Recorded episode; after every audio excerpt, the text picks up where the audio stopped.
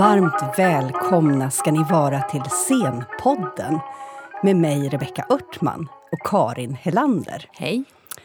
Karin, jag tänkte fråga dig, när du går och tittar på teater, ser du eh, på scentekniken? Reflekterar du över den till exempel i dina recensioner när du skriver? Ja, det gör jag nog. Jag tror att det hänger ihop med att jag så väldigt många år undervisade i föreställningsanalys. Mm. Där man tittar liksom på varje del i en föreställning för sig. Man tittar på skådespelarkonst, rollgestaltning, på musik, på ljud, på ljus, på teknik och kostym och så vidare. och Så vidare. Så jag är van att liksom ändå bryta ner delarna för att sen se hur de samverkar. Mm. Så det gör jag nog. Så du kan se tekniken som en aktör på Ja, det kan scenen? jag absolut göra. Intressant, för idag ska vi prata scen, ja, egentligen scenteknik och ny teknik. Varmt välkommen Sara Kronberg. Tack ska ni ha. Sara, vem är du? Ja, jag är eh, regissör. Har varit i kanske vad är det nu, 17 år, utbildad i Köpenhamn. Eh, och sen är jag just nu konstnärlig ledare för Unga Malmö Stadsteater i Malmö. Jag tänkte, vi har ju valt ett ganska abstrakt ämne, ny Ja, teknik. ja. Och eh, vi har, vi har ju sett på din eh, repertoar och i dina föreställningar att du använder ny teknik. Och du Mm. pratar också om ny teknik Ja, som en, ett sätt att kommunicera med en ung Ja. publik. Kan du inte berätta lite om det? Ja, alltså jag tycker egentligen att ny teknik handlar egentligen inte om, för mig handlar det inte om själva tekniken. Utan för mig handlar det om att hitta olika sätt att göra publiken medskapande. Eh, I första hand medskapande på olika sätt. Och där tycker jag kanske att mycket av den nya tekniken har vissa kvaliteter som kan göra att vår unga publik kan få delta mer i verket på olika sätt. Mm. Får jag fråga, som nog inte kan alls tekniska termer eller så. Var, var går gränsen för den nya tekniken och vad är den gamla tekniken? Ja, det är en bra fråga. Ja, det är egentligen en helt omöjlig... Man kan väl säga så att många är ju lite tänker så här, ny, vad konstigt, varför ska vi ha så mycket konstig teknik med i teatern och vad- varför det? Och, och, eh, kan det bli så att skådespelaren försvinner? Tekniken tar över, att skådespelaren kanske inte behövs. Den har man väldigt ofta. Men det är ju egentligen helt tvärtom. Det handlar ju bara om att föra närmre spelet till åskådaren. Och ny teknik är ju allt. För, för, för, alltså det var ju inte, det var ju någon hundra år sedan vi kom på att man kunde ha ljus på scenen. Och då såg man ju skådespelaren lite bättre. Och det tyckte man säkert då var lite oj, oj, oj, ska vi nu göra så? Mm. Det var ju finare med lite stearinljus där nere. Eh, Så att det utvecklas ju konstant all teknik. Alltså en ljudteknik, att vi kunde ha myggor på scenen. Då förhör man bättre om man vill använda sig av det. Och nu sker det ju väldigt, väldigt snabbt. Mm. Så nu kan man ju arbeta med eh, ja, tekniker som VR och AR. Just det, det kommer flera Nu får benämningar. Du, Ja. Nu får du översätta för oss. Så om man tänker- VR och AR, vad är VR och AR? Ja, vill, vill du fortsätta Sara? Vi kan bara säga också att, att ny teknik, um, alltså den moderna tekniken egentligen som vi använder med mobiltelefoner och livestreaming kan man väl generellt säga är Ja. nya tekniken. Men ja, berätta, vad är- precis. Men det är bara ja. ett, ett litet, litet exempel. Det kan vara hur mycket som helst Mm. som är ny. Eller Kinect, att man kan påverka det som sker på scenen på olika sätt. Men om vi bara tar AR så betyder det augmented reality. Och det betyder ju bara en förstärkt verklighet. Oftast är det på mobilen att man... Pokémon Go är, AR. Så det, det är ju inget konstigt längre.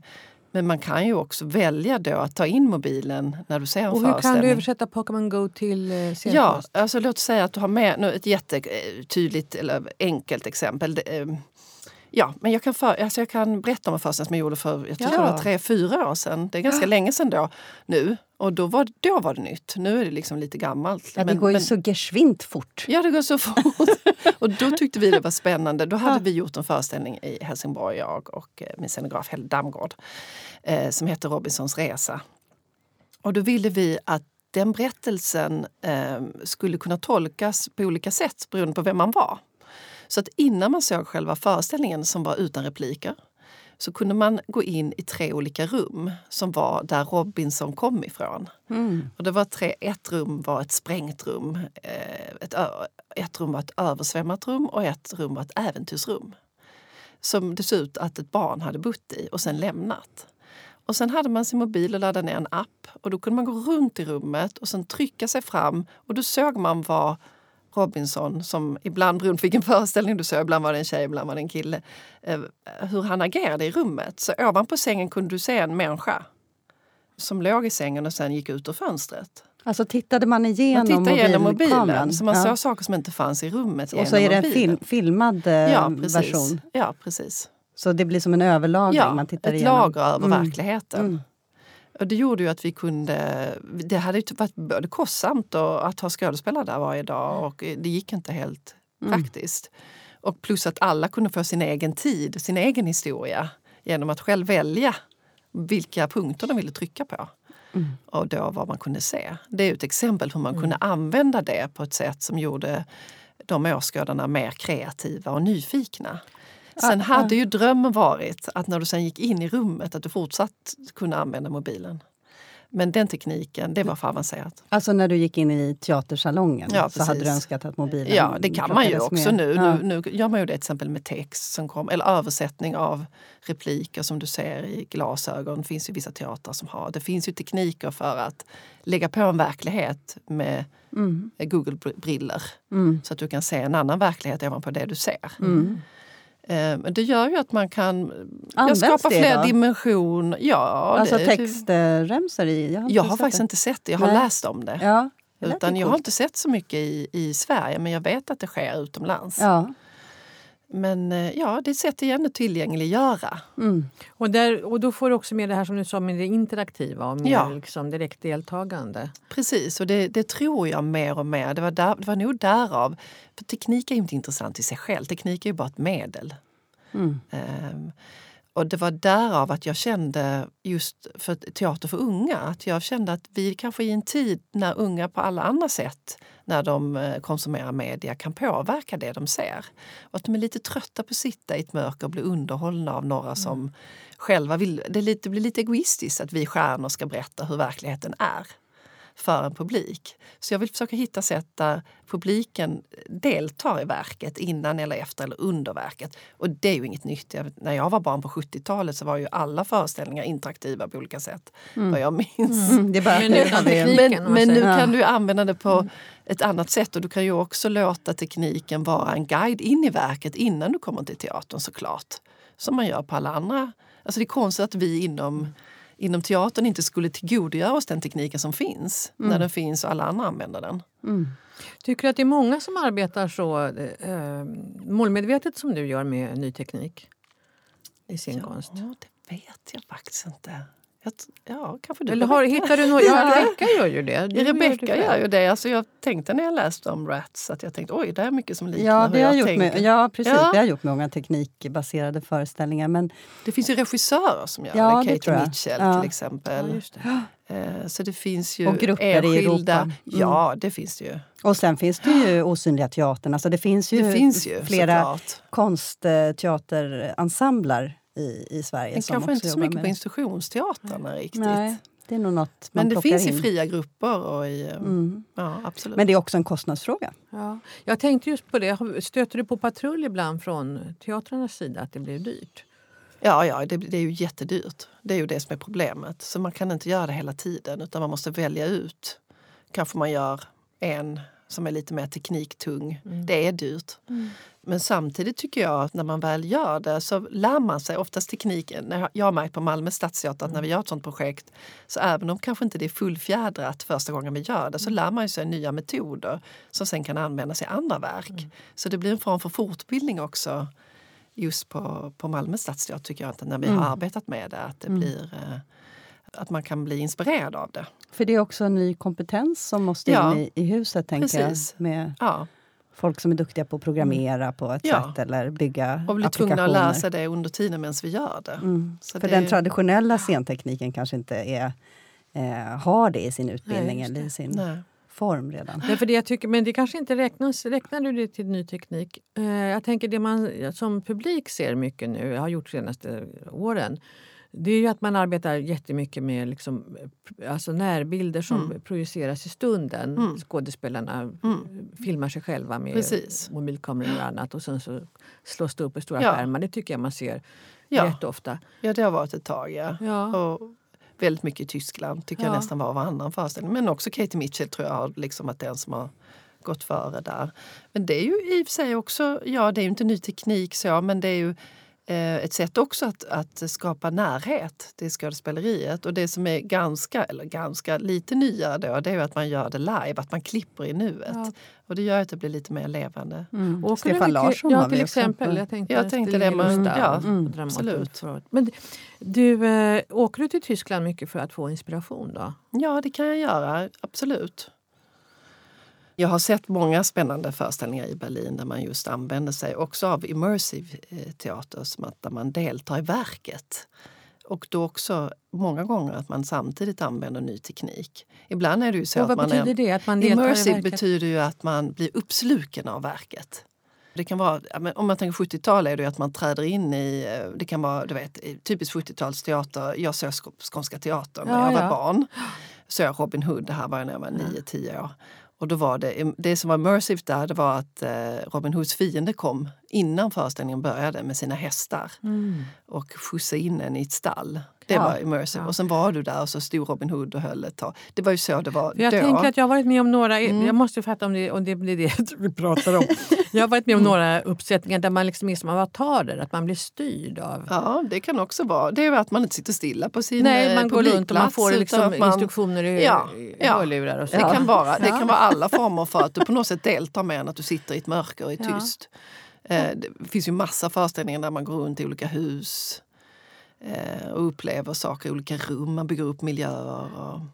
Nej, men jag såg i förra våren en föreställning som både var i London, som både var interaktiv och så kallat immersive. Och den handlade om, i grunden handlade det om att uppleva sin egen död. Och där fick man, eh, de hade byggt upp ett hus där man fick gå runt i olika rum. Och delar av den här föreställningen var i VR, att man fick en VR-hjälm på sig. Eh, och gick in i världarna som, i, som man gick så helt fysiskt i rummet. Man kunde också ta på element och samtidigt såg man det här i, i VR. Eh, så det kändes som man var i, om du tänker en, en helt uppbyggd eh, 3D-värld som kändes levande. Du kunna hoppa över stup ju. Men de hade också byggt upp det helt fysiskt i rummet så du kände hur det kändes att gå i gräset eller ta på en blomma. Så du kom till olika världar fram till att du skulle dö. Det visste man att man skulle dö till sist. Och sen var det lite så här, vissa delar av det var lite mer spök, att man blev lite jagad och in i ett spökrum och så. Men det slutade väldigt fint med att man låg på en sjukhusbädd eh, och fick VR på sig, VR-hjälm. Och då kunde man, först upplevde man i, i real time, alltså i verklig tid, hur sjukskötarna gick förbi. Och sen när du tog på VR så var de filmade men det var samma handlingar du såg precis innan.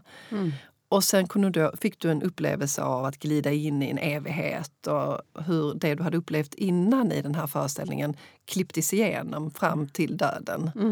Så att ehm, det var ett sätt att använda olika tekniker för att nå en upplevelse av att hur det kan kännas att dö. Mm, Men Ka- Det- Karin, inte det här, blir inte det här helt nya frågor för en teatervetare? Ja, det blir absolut Så helt det nya var ett frågor. väldigt tydligt exempel på alla de här där man verkligen använde, och den ska jag ta reda på exakt vad Ja, för att det blir ju en helt annan publik. Alltså, det, ju, det pratar man ju ofta om, tänker jag. Jag har ju gjort länge om att man omförhandlar liksom relationen mellan scen och salong. Men det här är ju på något helt nya sätt ändå. Ja, är det jag. fortfarande teater skulle, skulle en Ja, teaterforskare frågan. säga? Ja, det, alltså, det är ju en upplevelse. Det var ju skådespelare Ja. i de här rummen som Ja. spelade. Vissa rum var ju helt konkreta scener. Men det, det påminner mig också Mm. tänker jag, om vissa upplevelser jag ändå har haft inom konstvärlden eller performancevärlden. Eller så. Där Ja, man också har precis. blivit ledd i olika rum och där liksom, ja, Mm. ljud, till exempel ljud, eh, ljudbilder har skapats man i ett helt nytt universum till exempel. Mm. Ja. Men jag Och tänk- även ja. eh, visuella bilder som är uppbyggda där man själv liksom blir inplacerad och upplever saker.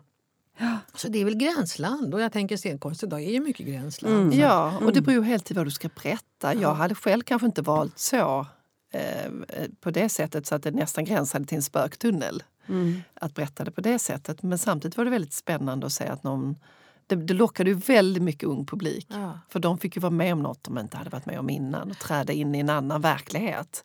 Men det är också, tänker jag, att det är just som du var inne på, att det, det, det är också samarbeten som kräver andra samarbetspartners. Ja. Att man liksom måste söka upp andra sorters människor för att kunna göra den här typen av projekt. Absolut, det här var ju kommersiellt det som var i London. Hur ser produktionsapparaten ut om du ska göra en sån här tekniktung föreställning? Eh, jag tänker, den Ja. traditionella vägen är ju att du sitter med en scenograf. Sitter du med en eh, programmerare? Ja, eh, ja, det måste man göra. Mm. Eh, det måste vara någon som kan programmera för att det ska kunna fungera. Och det är det som oftast tar tid. Och så sitter jag med folk som har mycket mer kunskap än vad jag själv har. Jag har oftast idéer, men jag har ju inte heller teknisk kunskap. Utan jag tänker, kan man göra det här? Och så frågar jag någon som har koll. Och som är 20 år yngre än mig själv. Och som har koll. Och som visar mig hur man gör. Ja. Och så lär jag mig under tiden. Och då märker man att det här kan man ju använda till det här. Liksom. Det här är ju jättespännande. Då kan vi testa det här då, om det går. Så att man testar ju själv då, eh, liksom medel. Den här nyfikenheten, Karin, Ja, den har väl ja. funnits i alla tider hos Den har eh, ju scenkonstnärer? absolut eh, funnits i alla tider. Jag tänker, det var ju länge sedan nu jag skrev min doktorsavhandling som handlar om operaregi på Ja. på 20-talet. Men då, det var ju också en tid där man kallar då för den moderna regin när man fick in alla nya eh, tekniska eh, nyheter och eh, innovationer från Tyskland just inte Precis. minst. Mm. Och det, där var, handlade det mycket om ljusteknik och eh, rundhorisont projektion och projektioner ja, och allt det där. Och det var ju också en leksakslåda, men som man också använde, precis som du talar om det, som ett konstnärligt gestaltande element. Mm. Precis. Eh, så. Det är ju att du har fler verktyg Ja. i lådan. Det är ju egentligen bara det det är. Och det, får inte, det ska ju inte vara något annat. Man får inte bli för förälskad i det. För det kan ju ingenting i sig själv om du inte har en bra historia. Är det lätt att bli förälskad i Ja, den nya det tekniken? kan absolut bli att man blir helt så här, men kan man göra det? Nej men gud! Som i, eh, när jag gjorde Oskar Lilja Mm. nu i våras, en föreställning. Den var ju inte egentligen något speciellt. Och den hette Oskar Liljas... Oskar Liljas försvinnande.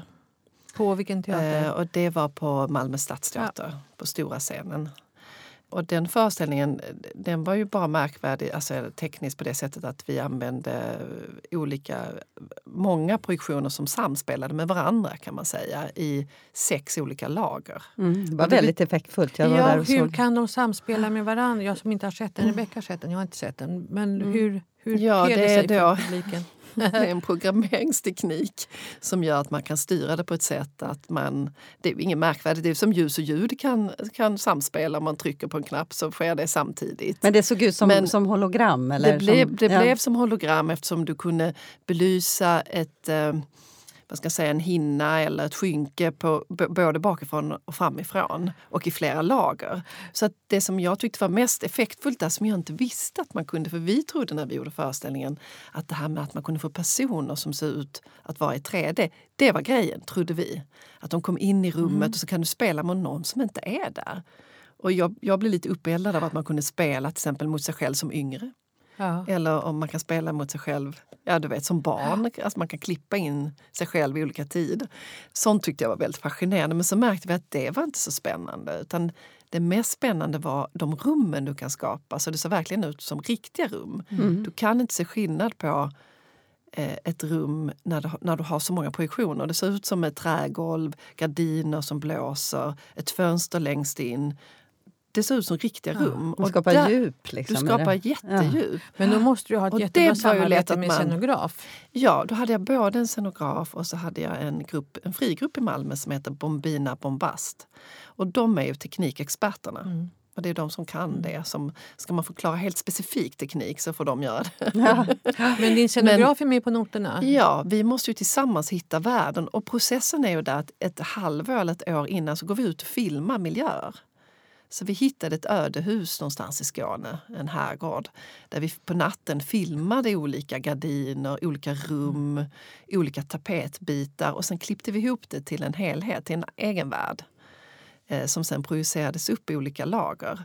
Och då när man väl gjorde det så inser man men gud, jag kunde gjort ett drömspel ju, i det här. Du vet, Man blir helt besatt. Eller man kan göra eh, just Ibsen, man kan, man kan gå in i alla salarna. Det skulle Alltså- Strindberg ha gillat. ja, eller hur? Han var väl helt besatt i, i Ja, Ja, men teknik. precis. Strindberg ville ju, när- just med drömspelet så ville han ju Ja. arbeta med ny teknik som inte riktigt fanns där. Han åkte just till Tyskland och tittade på skioptikon eh, teknik och bilder, projektioner som man liksom såg i sin fantasi då för urpremiären på ett drömspel. Men det funkade inte så att det blev ändå lite mer som vanligt på Svenska Teatern Ja, det 1907. blir- Men det var, han hade ju verkligen den visionen att Och skapa... vridscenen, var inte det första? Ja, vridscenen Eh, Första Jag tror att vridscenen kom...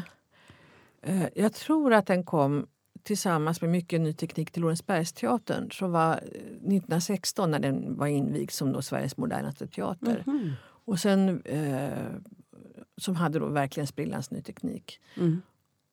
Och sen vet jag just när jag själv skrev om tidigt 20-tal att Operan köpte ju in just mycket av den nya belysningstekniken och så också. Mm. Eh, och det var, och man hade till exempel en eh, uppsättning som jag skrev om Macbeth, Verdis Macbeth regi av Harald André. Arbetade han och det var väldigt tidigt med film. Både animerad film och spelfilm. Eh, och det funkade inte på premiären utan då hörde man honom ryta utanför. Att det var otajmat med musiken och så. Men sen gick det ju bättre. Men att det var också jättenytt då. Så att Ja. Lorensbergsteatern och också Operan sen. Hur är det med, jag tänker, du, du pratar också om det här med att skådespelaren kanske inte är den som är i absolut centrum när man jobbar med, mot barn och unga. Att, utan att det är berättelsen och deras eh, eget skapande. Har du jobbat på fler Ja. sätt? Eh, de är ju, om man tänker om man går tillbaka till Oskar Liljas försvinnande så är det ju ändå, den är ändå klassiskt på det sättet att det är skådespelarna som är ju centrala. Men, men de måste ju förhålla sig till vad tekniken. de? Vad Ja, säger de om det? det är ju det. Och då är det ju, jag tror att det har att göra med att man måste förstå varför man använder det. För vet man inte det och bara, ja det är så spännande med det här rummet, då förstår jag att man blir irriterad.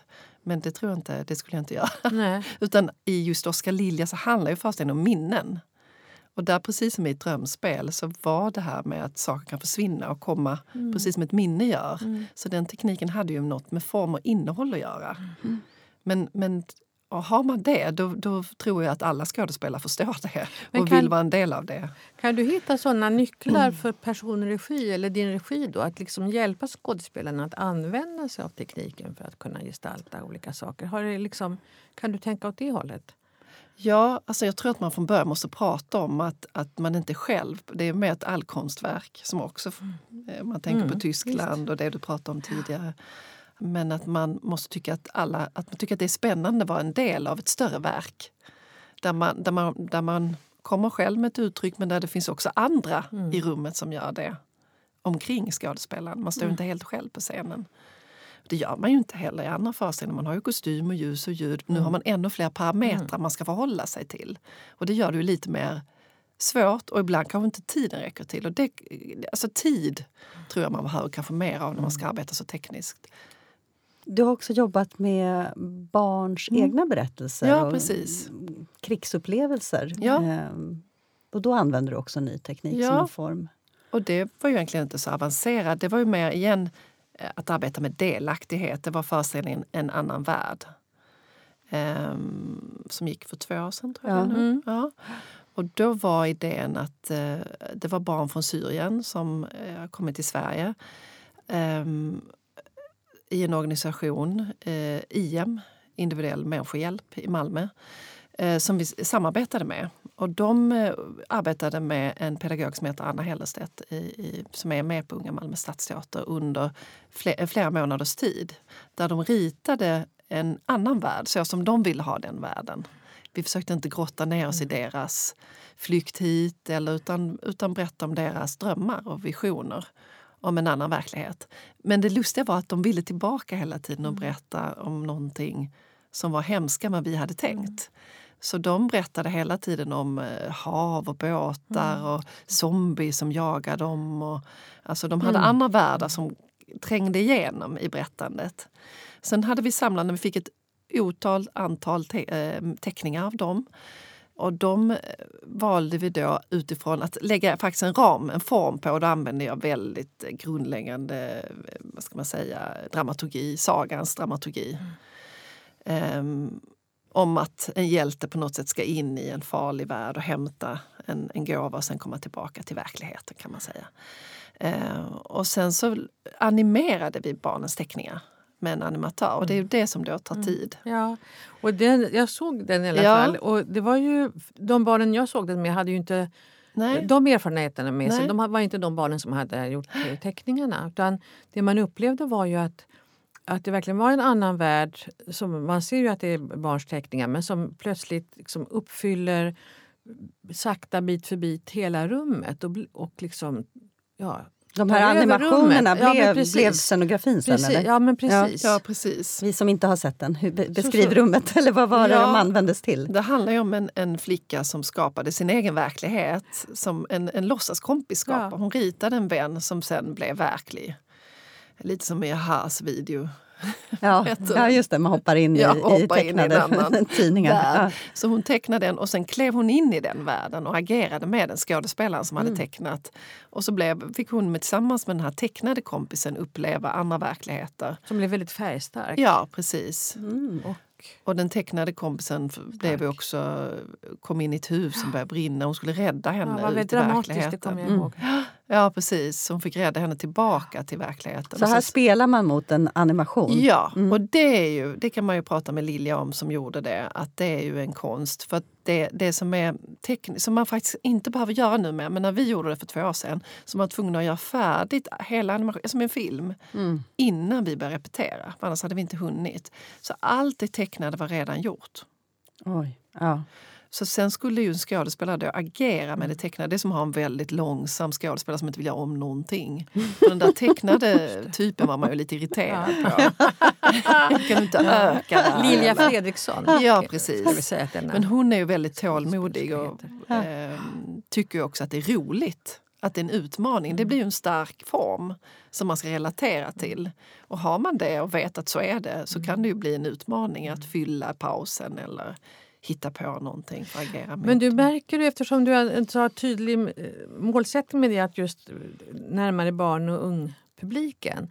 Får du någon eh, feedback, någon respons från dem? Att de också uppskattar den här nya Ja, tekniken? eh, det, det, det finns ju en del barn, speciellt bland lite äldre, inte riktigt unga barn, men i den åldern där man faktiskt tycker teater är lite töntigt. Att de blir lite sådär paffa ett ögonblick. Och där kan jag ibland Mm. fånga dem. För det var inte vad de hade förväntat, att det skulle vara något tekniskt de inte riktigt förstod. Mm. Och i den överrumplingen så kan jag fånga, fånga dem och berätta en historia. Men det handlar om tonåringar, kanske där när man är i högstadiet och tycker att den publiken är ganska svår, kan jag tycka. För att ja, det är som att, nej just där vill de kanske inte just se teater utan göra någonting annat. Mm. Men när det gäller de, den eh, låg och mellanstadiet så är de mer intresserade för att de vill veta hur man gör själv. De, blir kunskaps, eh, de vill ha kunskap. Hade jag haft möjlighet så hade jag lärt dem tekniken direkt efter eh, föreställningen. Mm. det låter de som. Skapande Ja, skola-projekt. ja det är lite, vi har ju det också Ja. med. Vi har ju pedagogik innan Ja. och efter. Och vi ska faktiskt återuppsätta En annan värld Ah, nu. Jag börjar faktiskt repetera nu i veckan på torsdag. Oj, när har den premiär? Ja, nästa vecka då. Jag börjar nu på torsdag så har de premiär oktober. mitten på oktober. Ja. okej. Ja. Mm. Men du får ju då också, tänker jag, för att hålla dig ajour och kunna förstå barn och ungas eh, användning av ny teknik. Alltså får du göra besök i den digitaliserade barndomen eller den digitaliserade ungdomen? Ja, alltså jag har ju två barn själv i den digitala åldern kan man Mm. säga. Så där, där, där tittar jag på vad de är intresserade av. Men sen är det ju att vara ny, vad händer liksom inom ny teknik? Vad kan man göra? Hur alltså att vara lite nyfiken egentligen och bara se vad som sker omkring dig. Och sen prata med folk som kan som sagt. För det finns ju de som kan och är intresserade, programmerare eller andra med teknisk erfarenhet och utbildning Mm. som vi inte har vi inte möjlighet att ha. Ju. Och det, man behöver inte vara rädd för det. För det man kan som konstnär det är att berätta historier och, det, och dramaturgi och fånga intresset. Och det är ju det man ska komma med. Sen en programmerare kan ju sitt, sitt arbete och det är ju i kombinationen av olika hantverk det blir spännande tycker jag. Mm. Är du själv teknisk? Nej, det tycker jag inte man kan säga. Jag har, alldeles, jag har inget tålamod. Nej. Verkligen inget tålamod. Men jag är väldigt fascinerad av vad den kan. Och jag kan... Nej, jag är inte teknisk. Men du lär dig allt eftersom, eller? Ja. Jag ja. tänker också med det terminologi. För att, alltså, det är det också är en viss att- terminologi som du måste behärska, Ja. tänker jag. Men det går ju snabbt. Och sen är det ju genom att göra. När du själv har gjort en hel föreställning. Innan så kunde jag ju ingenting. Innan den föreställningen. Sen har du gjort den. Då, då fattar du vad man kan. Sen nästa föreställning då kan man utnyttja lite av det man lärde sig Ja. från förra föreställningen. Så det är ett fantastiskt sätt att få lära sig ny teknik Mm. också. Och kunna Å andra sidan går det ju så det. fort så att det du lärde dig för så två det år jag, sedan jag är kanske... ju helt ute nu. Ja, liksom, man måste utan- hela tiden då... Ja, ja. Men, men det är inte det vad som heller är. som är målet. Utan Nej. det är mer, vad kan jag... Alltså vad kan jag använda av det här i den här berättelsen? Mm. Eller kan jag det? Som i Orlando som jag gjorde nu, regisserade, så tycker jag att där behövdes ingen ny teknik överhuvudtaget. Utan där var det bara skådespeleri och orden. Mm. Så det beror på vilken berättelse du har. Mm. Och med mycket eh, teater som görs för unga, mycket görs ju också i devising och eh, i, i form av en tematik kanske istället för en berättelse. Skulle det gå ihop sig? Alltså att jobba med devising samtidigt som man jobbar med så hög teknisk kunnighet? Ja, det tror jag absolut ja. man kan. För det finns ju mer rum då för mm. det. Mm. Men å andra sidan, man skulle också kunna göra ett drömspel. Som ja, vi, ja, det beror på vad det är för en berättelse igen. Kan, du, alltså, kan man fråga, så finns det, finns det vissa berättelser som lämpar sig, utöver Strindbergs drömspel, som lämpar sig särskilt väl för tekniska innovationer, tycker du? Ja, kanske berättelser där ordet inte fyller allt. För att då vill man ju lyssna. Alltså, jag vet inte, Shakespeare, jag skulle vilja kanske bli störd om det var för mycket projektion i en Shakespeare-föreställning själv personligen. Mm. Då vill jag höra orden. Um, men där det är mer luft mellan replikerna och när det är plats för bilder i en berättelse. Och i Malmö har vi också många som kanske inte behärskar det svenska språket mm. fullt ut. Och då är det också bra att kunna berätta med andra medel än bara genom språket. Mm. Som skolan använder sig väldigt mycket av språket men vi har ju den tillgången att vi kan använda bilder eller teknik mm. istället för att nå andra, andra barn. Finns det någonting som du känner att det där skulle jag vilja utforska. Det där har jag inte riktigt ja, fått... Alltså nu, jag ska i vår göra en föreställning där jag ska utforska, nu kommer ett ord, binauralt ljud. Mm, jaha, ja, ja, ja, men det är klart. det är bara ljud i, mm. det enda man menar med det, det är ju bara eh, ljud i 3D. Aha. Så det är ju inget märkvärdigt alls, det har funnits sedan 70-talet eller tidigare, jag vet inte. Mm. Men det är ju bara att jag ska göra en berättelse som handlar om eh, vi har intervjuat två överlevare från koncentrationslägret som bor i Malmö och som tidigare åkt runt i Malmö och berättat i skolan ja. om sina upplevelser om, om att överleva ja. en förintelse. Och de börjar bli äldre nu och mm. kan inte berätta mer. Och jag har märkt att fler och fler försvann i Malmö som gjorde det här. Så då försökte vi få tag i så många historier som möjligt och två har vi nu eh, intervjuat och, och filmat och pratat med lite djupgående intervjuer.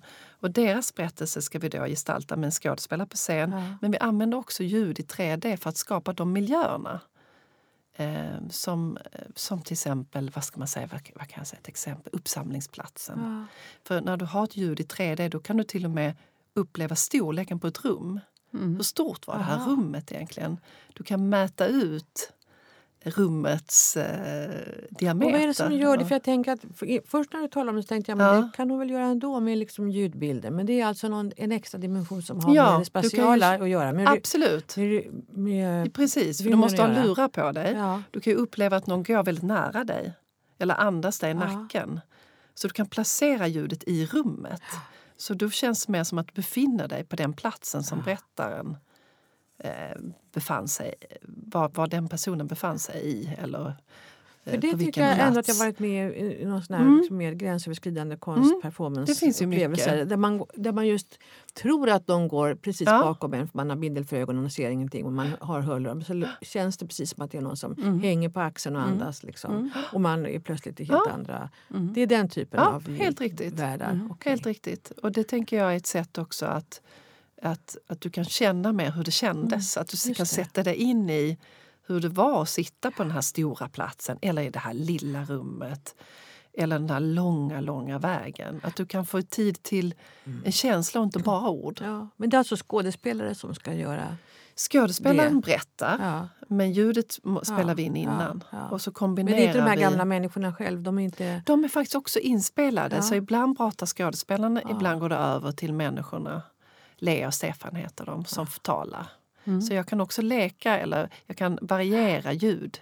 Eh, vem det är som talar till oss. I vilket rum kommer ni Det kommer att vara på studien på Unga Malmö stadsteater. Och den är en liten, mindre Det är ett mindre rum och där kan vi också ha möjlighet att göra lite mer experimenterande verksamhet. Mm. Eftersom lura, mm. det är också dyrt. Mm. Men till 30 personer kan mm. vi hantera det men inte till Nej. 200.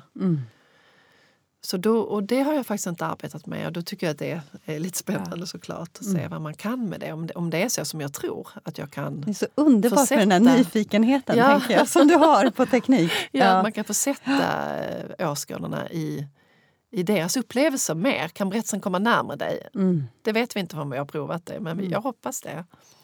Mm. Vad spännande. Men du, Ja. jag tänker, alltså, det låter ju också väldigt...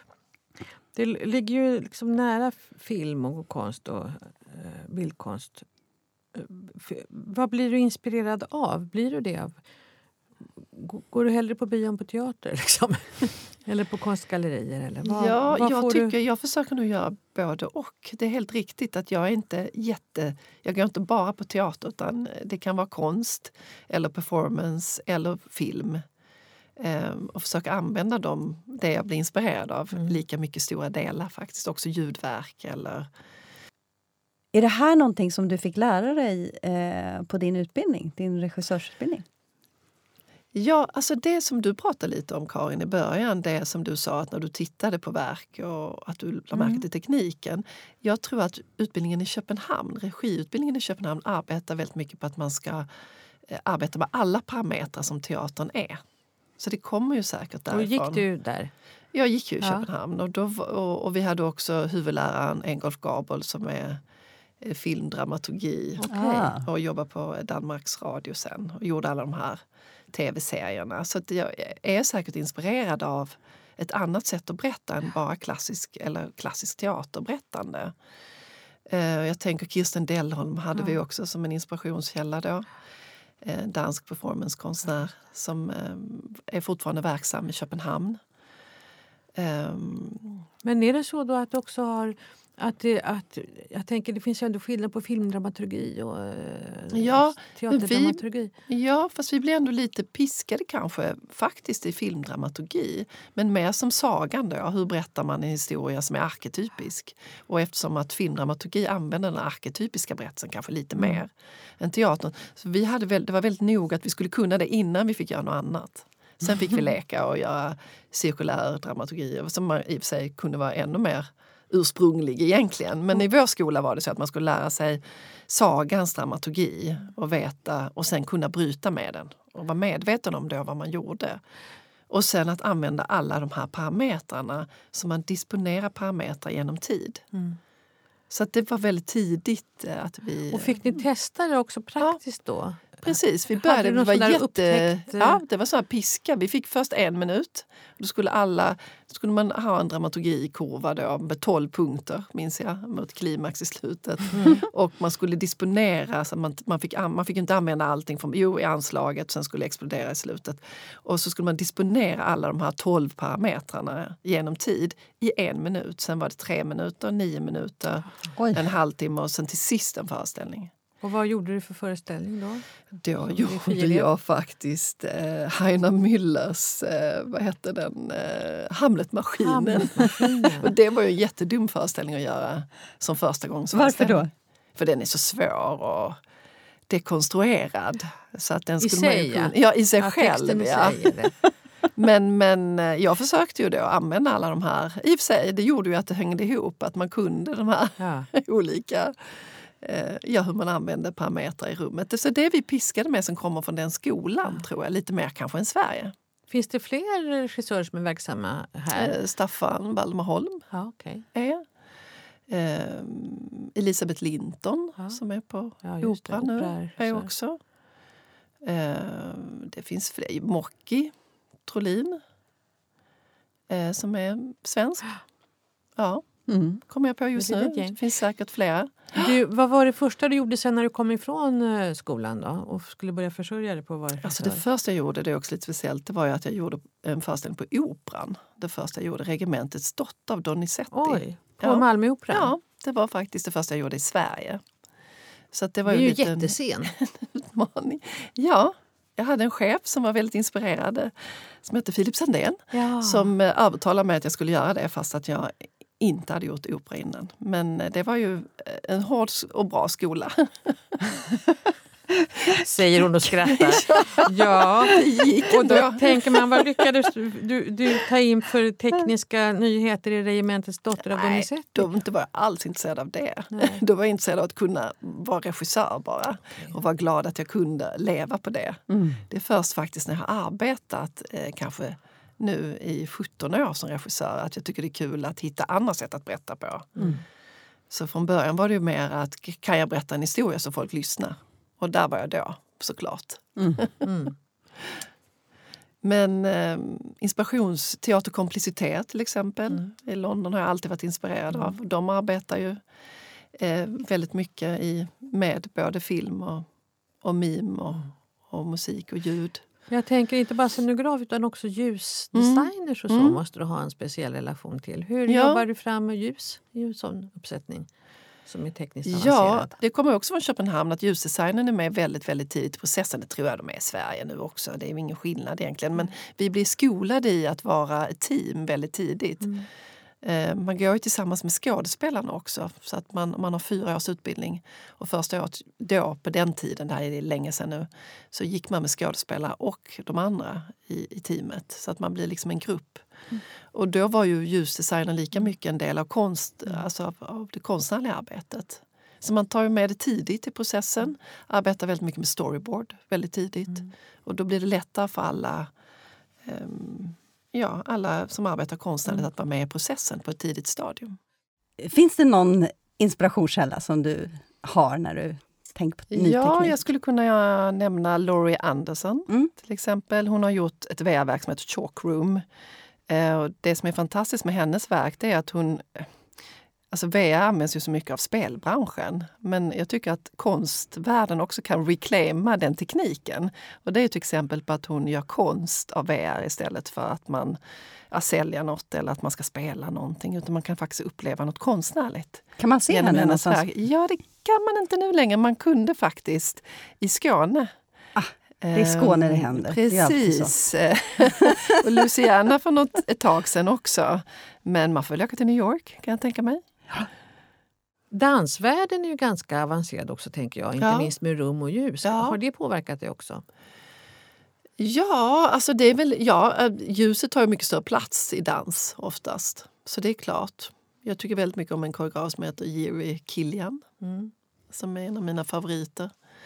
Eh, och även som ung älskar Cullbergbaletten, det var det bästa. Liksom. Och då var det ju att kroppen och bilderna talade lika mycket som orden. Det mm. har ju inspirerat mm. mig. Kan du se, eh, där du är nu, kan du liksom se trender eller tendenser som kommer att komma tekniskt som du eh, känner att det här pyr, det här kommer att sprida sig? Ja, alltså mina tekniker på teatern de tycker att det skulle vara spännande att arbeta med att publiken faktiskt kan påverka rummet fysiskt. Alltså att de, speciellt barnpublik, kanske en mindre publik, att om de lyfter sin högra hand så kommer det ett blått ljus i vänstra mm. hörnet. Alltså att man arbetar med olika former för interaktivitet, helt fysiskt i rummet. Eh, det tror jag, det kan man ju med, i, du vet, i dat mm. med dataspel och dansspel och allt möjligt. Men man kan ju göra det i rummet också. Och då förändra den världen mm. som skådespelarna är i omkring dem. Det mm. tror jag är något som kommer komma. Mm. Eh, mer och mer. För det blir mer och mer lättillgängligt. Det är också det här interaktiva, tänker ja, jag. Precis. Inte minst med barn och unga. Ja, precis. Att man kan få vara med i verket. Ja. utan att Och man... skapa. Ja, det vill man ju gärna. Man vill inte sitta passivt. Och det titta. tänker jag, det blir också någon slags mellanting. För ofta pratar man om barn, barnkultur eller scenkonst och barn. Att antingen är det barn som publik till professionell scenkonst det är en slags möte med scenkonst. Och det andra är att man skapar själv ja. teater. Ja. Men det här blir ju liksom både och. Ja, precis. Egentligen då. Det tycker jag är spännande. Väldigt spännande. Jag tror också att vi, vi lever i en tid där barn vill vara lite mer aktiva eller, eller aktivistiska till mm. och med och få komma med sina berättelser. Och tar man inte in dem då tror jag att man försvinner lite. Mm. Man måste lyssna och se. Vad vill de berätta och varför vill de berätta det? Och försöka ta in det och ställa sin konstnärskap lite till sidan kanske. Låta andra komma till tals. Har du något drömprojekt förutom ett röpspel som kanske är det? Ja, det kanske det skulle vara spännande. Ja, jag vågar inte säga det. Jag säger till min chef. det här och det här vill jag. Men om man säger något mer. Jo, jag skulle nog vilja fortsätta det här med att skapa, som i en annan värld där vi fick teckningar från mm. barn, att göra det i mycket större skala och under längre tid. Och att alltså, prata om hur världen ska se ut i framtiden, mm. se barnens visioner och drömma om det och mm. kanske kunna visualisera deras verklighet så att andra kan se det. Och det kan man göra med ny teknik. Man kan ju skapa en hel verklighet och som kommer från barnen. Så det är mitt, kan man säga, när det gäller eh, tekniskt projekt så skulle det vara väldigt spännande att göra. Tack Sara Kronberg för att du kom till Scenpodden och delade det här sprudlande intresset för ny teknik. Tack. Och tack Karin. Tack. Ni möter oss igen om ett par veckor, då med en ny spännande gäst. Missa inte det.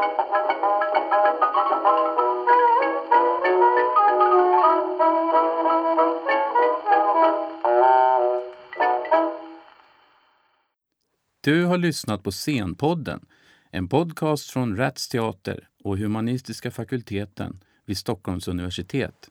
Podden spelas in på Språkstudion och tekniker är Henrik Nordgren.